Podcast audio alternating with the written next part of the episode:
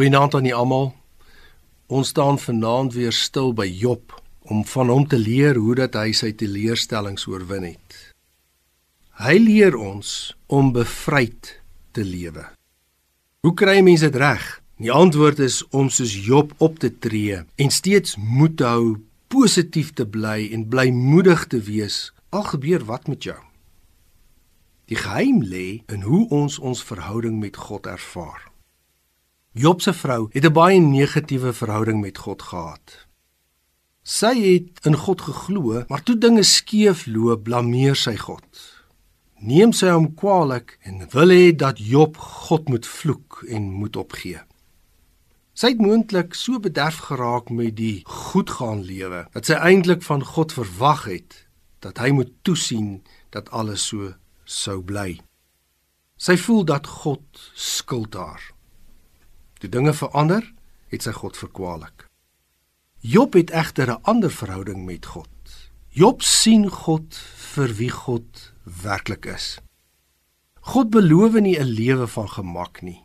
Hy skuld ons niks nie. Dis ons wat die dinge doen, die dinge bedink, die dinge besluit en sê wat nie maaksels van God is nie, maar baie keer die maaksel van myself, my ego, my toegee aan die maker van teleurstelling. Hierdie belewenis van bevry wees is wat Jesus wil hê dat ons vandag moet hê. Hy is by ons in ons daaglikse teleurstellings. Hy bevestig, hy vat ons hand en stap met ons die krisis tegemoet.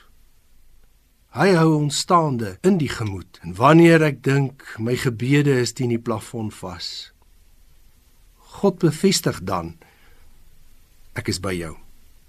Ek bevry jou van hierdie teleurstelling, hierdie krisis. Jy hoef nie bo die plafon te gaan dat God jou kan hoor of sien nie. Hy kom onder die plafon na jou. Hy is nie doof nie. Hy is nie te besig nie. Hy werk stil en deeglik aan wat vir jou die beste is.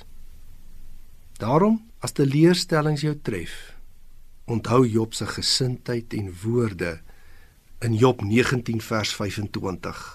Maar ek ek weet my verlosser leef en hy sal as laaste oor die stof opstaan. Hy sal laaste vir my opstaan. Dankie Here dat ons so ons teleurstellings in die oë kan kyk. Dat U hand aan hand elke dag juis daarin vir my wil sterk deur die Gees. Ons bid hierdie dinge in die naam van Jesus alleen.